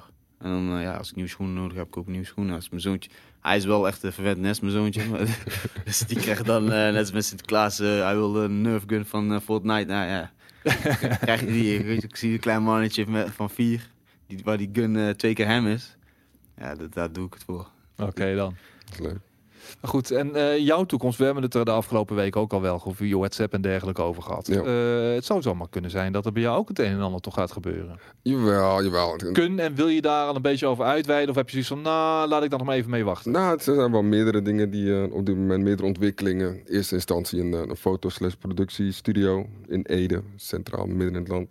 En uh, daar veel gaan focussen op fotografie. Want ik doe echt zoveel verschillende dingen dat ik af en toe een beetje gek word voor mezelf. Maar fotografie doe ik daar. En um, ook natuurlijk gewoon filmpjes die ik opneem, voorspellingen. Die kan ik daar ook daar met een iets betere productiekwaliteit leveren. Want dat doe je voor Veronica Voor Veronica doe ik zeg maar een expertpanel. Dat ik uh, een voorspelling moet doen voor een voor uh, MMA-partijen. Ik, ik had trouwens bovenaan gestaan bij mijn voorspelling. Ja, weet ik. Dat ja. weet ik. We hebben vroeger ook eentje gedaan. Toen ja. is ook number one. Daarom dacht ik van, doen we Nee, maar snap meer, ik. Geen skate meer. Nee, skate, skate is een beetje persona non grata in die ja. MMA-wereld. Dat is oké, okay, man. Stuur gewoon een belt op naar hem en dan is hij blij. Dat, is, dat, dat, wel, dat wel. Nee, maar uh, ja, da, daar ben ik mee bezig. En inderdaad, misschien ook... Een, ik ben ook bezig met een, uh, met een format met Spike. Gaan we, het, uh, gaan we wat leuks doen. Daar kan ik nog niet echt veel over vertellen voordat het echt bekend is. Maar ja, dan zou ik zeggen, hou me, hou me een beetje in de gaten. Plug, plug.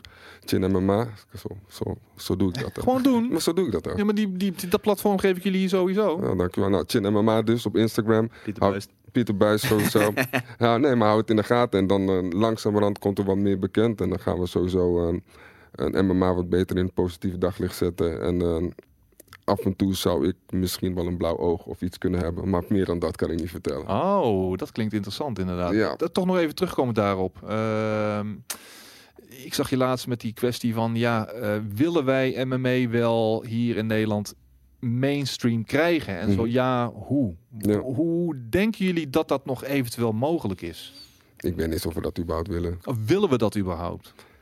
Aan de ene kant ja, want eh, jongens als Pieter of, een- of een Reinier of een, ik zeg maar wat, Shemende de Randemie of al die andere toppers. Als het iets meer mainstream wordt, dan krijgen ze ook meer mogelijkheden. Televisieoptredens, sponsor, Nederlandse sponsor. Als, als gesponsord wordt door Sultana Koeken of zo, zou dat Ja. vet zijn. Sultana. Maar aan de andere kant... maar ja, maar aan de Nou ja, andere kant... Rico Verhoeven, die sleept ze wel binnen Nee, maar dat bedoel ik. Dat bedoel ik. Maar aan de andere kant, als het echt mainstream wordt, dan krijg je natuurlijk ook een hele golf van mensen die dan misschien wel andere dingen willen, veranderingen willen. Misschien wel, ja, wil je dat? Ik vind zeg maar, de hardcore community die er nu is, is super. Is, eh, super supportive, super tof ook. En natuurlijk Super kritisch ook. hoor. kritisch ook, heel kritisch, heel kritisch. Maar dus omdat het hun begaan is met de sport en met de atleten ook. Dus aan de ene kant, voor de vechters wil ik echt wel dat het mainstream wordt. Gewoon voor de mogelijkheid voor hun en hun gezinnen. En voor mij ook natuurlijk. Want ja, ik zou het ook wel tof vinden als er een soort voetbal international zou zijn voor MMA of voor vechtsport. Dat zou echt kicken zijn of zoiets. Ja. Maar aan de andere kant, ja, moeten dan ook dingen inleveren als het mainstream wordt? Weet ik niet. Hoe zie jij dat, Pieter? Ehm, ja, als ik bijvoorbeeld, ik kan me een goed verhaal herinneren dat Rico bijvoorbeeld met zijn gezin naar de Efteling ging. Dat hij gewoon op een gegeven moment na een uurtje zoiets had van, hey, beter gaan jullie maar lekker zelf. Ik ga naar huis, want het schiet echt niet op. Mhm. Daar zit ik aan de andere kant.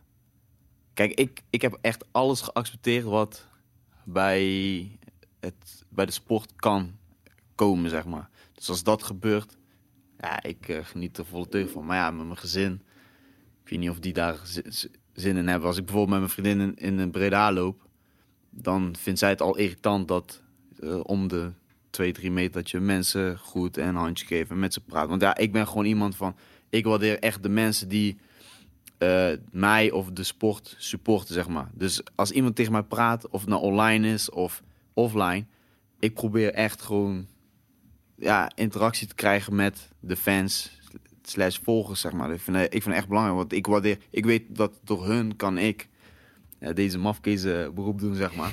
dus eh, ja, ik waardeer er alleen maar mij, ja, ik kan wel begrijpen dat mijn gezin daar niet altijd evenveel zin in heeft. Maar aan de andere kant, maar ze wist waar, je aan, waar ze aan begon. dat wel. Eh, dus ze is er ook aan gewend hoor. Het, eh, het afvallen en al die dingen, hoe ik me voel en zo, dat, dat kent ze allemaal wel. Alleen aan de andere kant, ja, iets meer waardering zou wel mogen. Qua sponsordingen, qua... ja, in het nieuws komen we wel steeds beter. Vooral MMA-vechters komen gewoon, die worden echt als atleten weggezet. 15 jaar geleden was het nog het bloedig. Ja. Gooivechten, hanengevecht, bla bla bla. Ja. En dan, maar dan vaak ontmoeten ze mensen zoals Germaine of mij of een Reinier. En denken ze, hè, zijn jullie MMA-vechters? Ze zijn Vooral bij-. Geen bloed doorlopen, Nee, precies. ogen. En eh, eh, niet op elke havenklap dat we iemand op zijn bek gaan lopen rammen. Het zijn gewoon normale mensen. Alleen ja, we hebben een talent is vechten. Maar ja, iedereen houdt van vechten. Overal zeggen ze van niet. Dana White zei dat het beste van als je vier verschillende sporten hebt. Iedereen gaat naar zijn lievelingssport, maar als in het midden een gevecht uitbreekt, iedereen gaat kijken. Het zit gewoon in ons DNA. En heel veel mensen denken van, ah, maar ja, MMA in Nederland is niet groot. Als je keek naar Ahoy, toen met UFC was, half uur was het uitverkocht. Ja. Ja. Vooral, Ik- vooral het eerste event natuurlijk. ja, Ik, ik hoor dat One ook naar Nederland wil komen of naar Europa. Trouw mij maar als je al die Nederlanders die ze nou hebben, Zo. ja, daar vul je zo een stadion mee. Ja. Easy, makkelijk, binnen een half uur. Dat zou mooi zijn. Hou me op de hoogte in ieder geval wanneer, wanneer dat gaat gebeuren, man. Stuur Kaartjes, Ja. geen probleem. Oeh, ja, zeker. nice, nice, nice. Maar, maar ook dit soort podcasts bijvoorbeeld, dit is ook tof. Want dit, het game Ja. is natuurlijk ook een subcultuur. En daar had ik het toen ook over. Van, ja, als je dit ook meer mixt, zeg maar. En topnotch ook met Jazinho Rozentrek. Dat is weer hip-hop. Ja, maar ik denk dat gamers en, en, en vechtsporters heel veel gemeen. Dus als bijvoorbeeld als er weer een schietpartij uitbreekt, ja, dan gaan ze gelijk beginnen over Call of Duty en denk je van, ah, we zitten eigenlijk in hetzelfde schuitje, alleen op een andere manier. En dat is wel goed, ja. Ja, het, Ja. het is gewoon mensen, me- mensen zoeken altijd naar, weet toch, naar de zwakke plek van iets nieuws. Mhm. is ook bij voetbal, ze lopen met een bandje van respect, maar er is alles behalve respect op het veld. ja, klinkt heel hard. Het is gewoon zo. Ja. Terwijl mensen beginnen nou langzaam te zien, oh wacht, vechtsporters zijn gewoon normale mensen. Ze trainen hard, zijn geen vechters, zijn atleten. En ze zijn niet bloeddorstig of wat dan ook. Ze willen gewoon, ze hebben gewoon een bepaald beroep en daar houden ze van.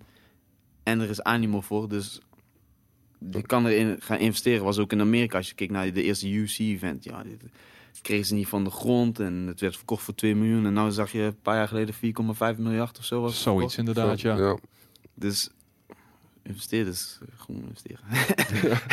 ja, ja, Ja. Dus, eh, het komt vanzelf. Hoeveel jaar heb je nog op de teller, denk je? Ik heb altijd gezegd tot mijn 40 en dan kap ik ermee. Dat is toch aardig lang? Ja, Ja, ja ik nee. bedoel, eh Alistair Overeem is nu rond die leeftijd ook. ja je, zie- je ziet dat Nou. de vechters worden steeds ouder. Je ziet ook de kampioenen in elke divisie. Eerst zeiden ze allemaal van ja, maar de zwaargewicht kunnen ouder worden. Maar je ziet in elke divisie, de kampioenen zitten tussen de 31 en 36. Ja. Dan ben je gewoon op je prime. En vooral met de voeding tegenwoordig. We begrijpen de rust, we begrijpen het herstel. Jij iets minder. Iets minder. Ik- maar maar eh, de, de begeleiding. eh, je vecht ook. Vroeger vochten vechters gewoon vijf, zes keer in een jaar. Nu is het gewoon max drie, misschien vier. Het is gewoon wat rustiger. Nou, bij One ook dat weight cut is eruit gehaald. Is moest ik 13 kilo in drie, vier weken. Nou is het, nou is het gewoon drie, drie, vier kilo. Het is allemaal wat rustiger. Dus eh, je kan langer doorgaan. En je hebt ook meer mogelijkheid om qua het, je, je krijgt steeds beter betaald in de vechtsport. Dus je hebt die stress niet meer. Je hebt niet meer die drang om zoiets te hebben van ja, ik ga wel voor een baas werken of zo. Mhm. Dat heb je nou niet meer echt. Vroeger had je dat wel natuurlijk, want dan kon je niet zo heel veel geld mee verdienen. Maar nu kan je er gewoon goed van leven. En dus je hebt wel heel snel zoiets van oké, het wordt heel snel dan al professioneel gezien. Je hebt een team om je heen, iedereen denkt mee. Dus ik, ik kan wel de negen, negen jaar nog erbij tikken, makkelijk. Ik heb niet zoveel kilometers, weinig schade opgelopen. Dus. En dan kun je gewoon vanaf je veertigste lekker een beetje gaan eh, rentenieren. Lekker in je tuintje zitten achter Ja, de de investeringen die ik wil gaan doen, die eh, moeten dan wel... eh, Ik vraag me af of je daar rustig kan zitten. Na je nee, 40 ja, als alles ik, klaar ik ken is. mijzelf. Maar daarom ben ik nou al een beetje bezig met... Hier wil ik in plan. investeren, Ja. daar wil ik in investeren, dit wil ik gaan doen. En dan zodat ik me bezig... Want ik ben echt gewoon een entrepreneur. Ik moet gewoon dingen doen. En als ik dat niet doe, word ik al heel- helemaal gek. Ik ben... Kijk, was dat vorig jaar? Ja, vorig jaar ben ik voor het eerste keer in tien jaar bijvoorbeeld op vakantie gegaan. Acht dagen. En toen, na de, na de achtste dag, had ik al iets van... Oké, fuck, ik moet gaan trainen, man. ik wil weg hier. Ik sta stil. Ik hou niet van stilstaan. Dus ik, ik zal altijd wel zorgen dat ik bezig ben. Oké dan. En stel nou, volgend jaar loopt je contract af. Ja. Eh, er wordt wel gepraat over bijtekenen, Ja. maar je gaat als een tierenlier. Hè? Met de komende twee, drie gevechten nog eh, op het programma voor het komend jaar. Eh, Bellator, of met nou, zeker UFC gaat dan toch aankloppen. Je bent 32 dan. Ja. Eh, ze komen een goed aanbod. Wat zeg jij dan? Eh, ja, ogenblikkelijk, ge- ogenblikkelijk, of heb je bedenktijd nodig en zeg je dan uiteindelijk toch ja? Of heb je zoiets van, "Nou, ik zit al goed bij, bij, bij One eigenlijk. Nu heb ik echt het gevoel, ik zit goed bij One. Nu heb ik echt het gevoel. Het moet echt, echt gewoon schandalig eh, worden. Maar ik, ik zorg er wel altijd voor. Dat heb ik altijd heel mijn carrière gedaan. Dat ik in een positie, dat ik mezelf in een positie zet dat de partij waar ik mee, mee werk, dat die altijd er alles aan zullen doen om mij vast te houden. Want ik, ik zorg ervoor dat ze de juiste eh, exposure krijgen. Eh, ik zorg ervoor dat mensen waar voor hun geld krijgen. Ik, als ik ergens een hekel aan heb, zijn vechters die een partij wegzetten. Dat je denkt van, ja, ja heb ik daar eh, 80 euro voor betaald? Ja, en dan op een decision maken, Ja, gewoon uiteindelijk die mij eh, overwinning over de streep trekken Ja. en zo. Ik, bij mij, ik wil gewoon, elke partij moet gewoon, mensen moeten met mij meeleven. Daarom post ik ook heel veel. S- Soms krijg ik wel eens van Jim Store. Ja, je moet niet zoveel posten wat je allemaal doet. Het is allemaal eh, beroepsgeheim. Dus ik, ja, ik, heb, scha- ik heb niks te verbergen. Ik ga je schoppen, slaan of submitten. ja, zo simpel is het. Dus eh, ik ben nergens bang voor op dat gebied. Dus ik probeer echt mensen bij betrekken die mij volgen. Dus ik merk het ook als ik moet vechten. Zo, dat is niet normaal, man. Dan denk ik mij van, shit, waar komt dat allemaal vandaan? Net toen ik een bank moest vechten, werd ik in één gebeld door een advocatenbureau uit Den Haag. Die had een beamer weggezet. En die zat gewoon met twaalf man te kijken. En die belde mij via Facebook, belde ze mij eh, op. En ik denk, hè, wat is dit? deze persoon ken ik, dus ik nam hem op en ik krijg oh shit, hij neemt gewoon op. Ja, kijk, kijk, kijk, me. Ik, oh fuck, ja, ik zit nou in Bangkok even van mijn eten te genieten. Ik heb net gevochten en eh, dankjewel voor het kijken. Dus ik merk dat, eh, dat de bedrijven die mij inhuren, dus OneNow bijvoorbeeld, die waarderen dat heel erg. Zeggen ze ook, ja, we zien jou posten, we zien het, blijf zo doorgaan. Dus ik ben niet echt bang dat als ik een serieus aanbod zou krijgen van UFC of een Bellator, dat daar niet eh, tegen in zou gaan. Maar. Het mooiste is dat je dat altijd al hebt gedaan. Ja, ja want ik, je moet, eh, het speltje is meer dan vechten tegenwoordig. Ja, Vroeger was het gewoon beuken, winnen, klaar. Nu is het social media, eh, merchandise. Hoe zet je jezelf weg? Je moet niet te nep weggezet worden. Je moet ook niet, eh, je weet toch niet, je moet ook toegankelijk zijn voor sponsors. Ik kan niet de hele dag gaan schreeuwen, fuck dit, iedereen. Dan zegt sommige sponsors van, ja, hey, ik Nou, ga niet met helemaal jou. bij One. Ja, dus Ja. bij One moet je, dat, dat, dat zijn ze al super streng in. Dus daar, op Andere dat, mentaliteit. ja, Ja. op dat gebied past de One ook beter bij mij. Kijk, ik, ik kom nogmaals van de straat. Eh, als in, bij UFC, soms zie ik dingen gebeuren. Zo, ja, dat, dat- Schandalig. ja, ik zou daar echt, na, na, na die persconferentie zou dat echt eh, heel moeilijk zijn voor mij om mij in te houden. Mhm. Vooral als ze over mijn familie praten, over mijn vrienden, over mijn gezin. Dan, eh, dan moet er gewoon iemand, ja, kapot gaan, zeg maar. en bij One is het gewoon, wordt je al gelijk in die mediatraining, wordt je gelijk al gezegd van, luister, als we een middelvinger zien of scheldwoorden, één waarschuwing, tweede, contact ontbonden, gaan we lekker vak vullen of zo. Ja. En dat vind ik, dat, daarom is het ook een van de redenen waarom ik naar One ben gegaan. Buiten het geld natuurlijk. Lijkt me niet onbelangrijk nee, inderdaad. nee, nee, precies. Nee, maar voor de rest, ja. Ja, eh, we gaan zien wat in de toekomst. Ik zit bij One echt goed. Ik zie ze ook als familie. Ehm, ik zie die liefde die ze mij geven, die exposure die ze mij geven, die, die hoe ze ook over me praten als ik zelf moet vechten. Want ja, dat hoor ik tijdens het gevecht hoor ik dat natuurlijk niet. Maar dan kijk je achteraf terug en hoor je van ja, dit is de partij waar ik naar uitkijk. Terwijl. Nicky Holske staat op die kaart en eh, allemaal andere wereldkampioenen. Maar iedereen praat dan over mijn partij. Denk ik, ja man, dat, is- daar heb ik al die jaren voor gewerkt. Dus die liefde ik zou dus echt wel van mij terugkrijgen. Ja. Als ik echt een goed bod zou krijgen van UFC Belt, dan zou ik echt eerst naar One gaan. En luister, hun hebben mij dit aangeboden. Ik wil heel graag bij jullie blijven. Alsjeblieft, ga er gewoon overheen. Of maak het bod hetzelfde. Als je hetzelfde doet, dan blijf ik sowieso daar. Nou goed, ongeacht waar je in de komende jaren terecht zult komen, eh, ik ga jou eh, sowieso nauwlettend in de gaten blijven houden. Ik bedoel, je bent ongelooflijk lekker bezig en ik hoop dat het nog echt eh, tot je veertigste zo mag zijn. Ja. Nog één laatste ding. Khabib of Tony? Tony all the way. Oké. Tony all the way. Als, als er iemand zou, het zou kunnen doen, is het Tony. Hij is de enige die, hij is de ja. enige die het Hij kan. de is Tony verslagen wordt, dan kan Khabib gewoon zeggen van ik ben eh, de beste. Ja. Ja. hij tegen Maar mij is het nou rond 18 april? Ja. Ja, maar ik doe wel zo. Dit is de vijfde keer dat ze Ja, voor elkaar ja. ingepland zijn. Dus ik had ook een meme gepost dat ze helemaal van die bubble wrap waren. nieuwe, nieuwe UFC eh, uniforms. Ja, nee, dat... eh, dat eh, ja, nee. Ik, ik, Nou, ik ben de 19e jarig en je weet, ik bedoel, Amerikaanse tijd, dat gevecht is, moet is op cadeau mijn verjaardag. Dat Ja. moet mijn ultieme verjaardagscadeau gaan zijn. Het, het, is, het is destiny, het kan niet anders. Wel. Misschien Tony moet een, eh, verdient het ook, man. Ja, maar ja. Khabib is niet voor niets champ. Dat is waar. Hè? Maar Misschien Tony heeft zoveel pech gehad in zijn carrière. Zo, er is hem zo weinig gegund. Deze, deze, dit, dit, dit moet hem worden dit moet hem. worden. Ja. Misschien moeten we Fight Companion eh, doen dan. eh, Op mijn verjaardag? ja, joh. Nou ja, soort of. Ah ja, nou ja, ik bedoel, Waarom mijn niet? vriendin ligt toch te slapen dan.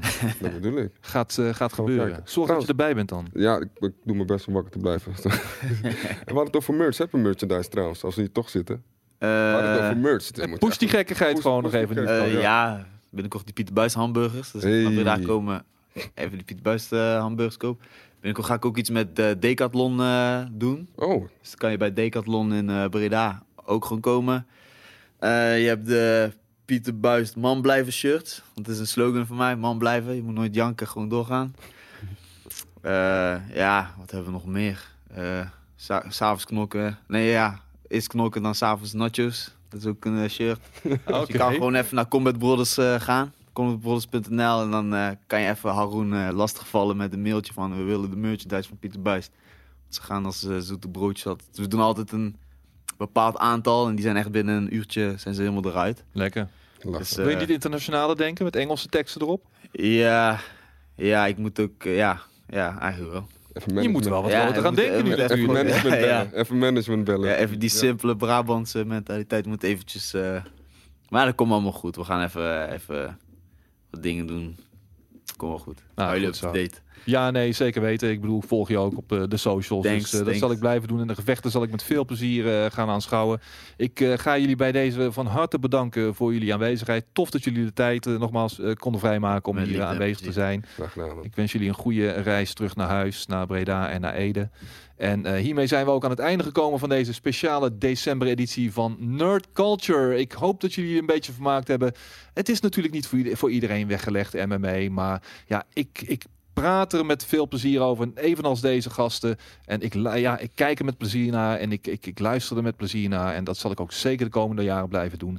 Mochten er, ik zie net trouwens dat de chat eh, nog altijd eh, open staat. Althans, de chat gaat nu open. Zijn er nog vragen aansluitend eh, aan beide heren? Laat het dan nu eventjes komen. Want ja, die, die chat komt echt nu pas in beeld. Oh ja, dit weekend is uh, Ruiz Oh, tegen eh, zo. Joshua. Wat denken we daarvan? Ruiz. Ja? Ja. Ik, eh, ik hoop Joshua, omdat ik de derde nog wil zien. Ru- Ruiz is de kryptonite van Joshua. Zou je denken? Het zou zomaar kunnen inderdaad, ja.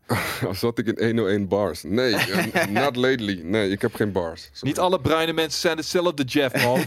Damn it. Damn it. is Pieter voor cross-promotion gevechten? Hmm. Ja en nee. Ik- Ja, nee, ik hou van dat exclusiviteit. Mhm. Ik hou daar echt van. Ik vind het echt tof. Ik wil ook, soms heb je organisaties, dan mag je tekenen daar, maar je mag ook ergens anders vechten. Daar hou ik niet van. Ik hou gewoon exclusiviteit. En als jij, eh, als je als vechter denkt dat je een andere organisatie moet je gewoon net als Eddie Alvarez van Bellator naar UFC, van UFC naar eh, One FC. En dan kan je ook eh, zo op die manier testen. Eh, wat is je favoriete vechtgame, Pieter? Oeh, Dead or Alive. Ja? Ja, Nice. ja, ja. Uh, overheen of overstrijk. Ja, dat hebben we eerder in deze podcast al eh, besproken, Benito. Ik zou zeggen, luister hem gewoon rustig terug op een van de eh, eh, kanalen waar de podcast te beluisteren is. Of binnenkort op GameKings.tv in video-item vorm. Je bent er net, ja, en we zijn hier net aan het einde gekomen, zo'n beetje om, ja, het is nu twee minuten half zes hier op As We Speak. Ehm, hoeveel moet je gemiddeld afvallen voor een kamp? vra- vraagt Shake toe. Voor One Championship viel ik in vier weken tijd 13 kilo. En dan de laatste dag voor de weging viel ik nog 7 of 8 kilo af. Jesus. dat en kan nou- toch nooit gezond zijn? Nee, En je ziet het ook, maar ik bedoel, het is een issue al, al, al de laatste jaren komt het heel duidelijk aan het licht. Gewoon die, die weight cuts die gewoon niet te doen zijn. En die mensen gewoon op het randje van de dood zelf Ja. kunnen brengen. Of zelfs fataal kunnen je worden. zet ook eigenlijk gewoon een stopwatch aan. Want de eerste keer gaat het goed. De tweede keer gaat het goed. De derde keer gaat het goed. Maar op een gegeven moment gaat je lichaam zeggen van tot Wacht- hier en niet wacht verder. even, ja. Ik bij mijn laatste partij dat ik eh, eh, zoveel moest afvallen, had ik echt last van mijn nieren bijvoorbeeld. Toen had ik echt zoiets van, mijn vriendin werkte in de zorg, die zei van, dit is echt, dit is echt niet goed, man. Je moet, je moet echt hier wat aan gaan doen. Ja. Maar je moet wel. Maar bij One hoef ik maar, eh, ja, dan mag ik op 77 vechten. Dat is de lightweight divisie, die is tussen de 77 en eh, eh, 70 kilo. Dan val ik ongeveer 4, 5 kilo af, zoiets. Oké, dat is doable. Dat is gewoon te doen. Ja, precies. Eh, het zou alles vraagt, welke vechter in je gewichtsklasse zou je het mee van, van welke eh, vechter in je gewichtsklasse zou je het meest kunnen leren, denk je? Oeh, in mijn gewichtklasse. Eh, Tony Ferguson. Ja? Ja. Die, dit is gewoon een compleet plaatje. Hij is echt compleet. En eh, Benito vraagt, wat is het leukste dat je met een fan slash supporter hebt meegemaakt? Eh, De tatoeage? ja, die tatoeage Moet nog die ik, komen. eh, Ja, die die moet ik binnenkort ga nog komen. zetten. Een tatoeage van mezelf op iemands linkerbovenbeen. Van een man. Apart. dat is wel apart. Ja, dat is, wel- dat is apart. Ja. En eh, Wil die de handtekening bovenaan of onderaan? ik hoop voor je onderaan. oh, daar heb ik niet over nagedacht. Ah, oké. Shit. Zet, hem, zet hem vooral onderaan. Aan de binnenkant of aan de Ja. buitenkant. Dat soort dingen. En, ja. en, de, en die kinderen. Net als de la- la- laatst ging mijn zoontje ophalen op het, eh, schoolplein en dan kom ik Piet Buis, Piet Buis. En dan zie ik mijn zoontje ook helemaal trots. Ja, dat is mijn papa, denk ik. Ja, man. Dat zijn de mooie momenten Ja. inderdaad. Hè? Cool. Eh, het zou alles zegt tegelijkertijd ook weight cuts zijn sowieso een beetje onzin, zijn mijn inziens. Ben je het daarmee eens? Ja, want iedereen doet het. Nou, het is gewoon op een gegeven moment eh, is het gewoon van ja, wie komt het het beste uit? En ja, is het gezond voor je? Hell no. Ik heb het heel lang verdedigd van ja, maar het is niet zo erg als je het goed doet. Het is gewoon fucked up. Het is echt niet goed voor je. Precies. Nee, ik denk dat we wel. eh, ja, de, nee, de vraag, er komen niet echt veel vragen meer langs. Dus ik denk dat we dit. eh, ja, Darren Till ging er ook kapot aan. Ja. En vele anderen met hem Zo, hoor. Eh, ja. Oh, nog één, stel nog één vraag. Gebruik je wel een CBD? Ja, ik word zelfs gesponsord door cbdsports.nl. Dus eh, als je goede CBD-drups nodig hebt, check hun website. Of Is dat toegestaan? Eh, ja, er zit geen eh, THC in. Dus eh, als er geen THC in zit, dan is het geen probleem. Oké. En ik zweer er zelf bij, sinds dat ik CBD-olie gebruik, gebruik ik ook geen eh eiwitshakes meer of zo. Dus ik haal al mijn herstel uit mijn ehm, voeding en rust en, als ik rust pak, en CBD. Oké dan. Mocht je dan toch nog vragen hebben aan eh, een van deze twee heren, je weet ze nu dus, nu dus te bereiken via de socials. Nogmaals, eh, je Instagram eh Van Pieter account. Buist. Simpel. Pieter Buist en die van jou. Chin MMA. Shin en Mama. Heren, nogmaals bedankt. Ik wens jullie sowieso nog hele fijne dagen toe. Een mooi uiteinde. En eh, ook heel veel succes en liefde toegewenst in 2020. Nice. Dankjewel. Dit, eh, dit was eh, Nerd Culture. Tot een volgende keer. Bedankt voor het kijken.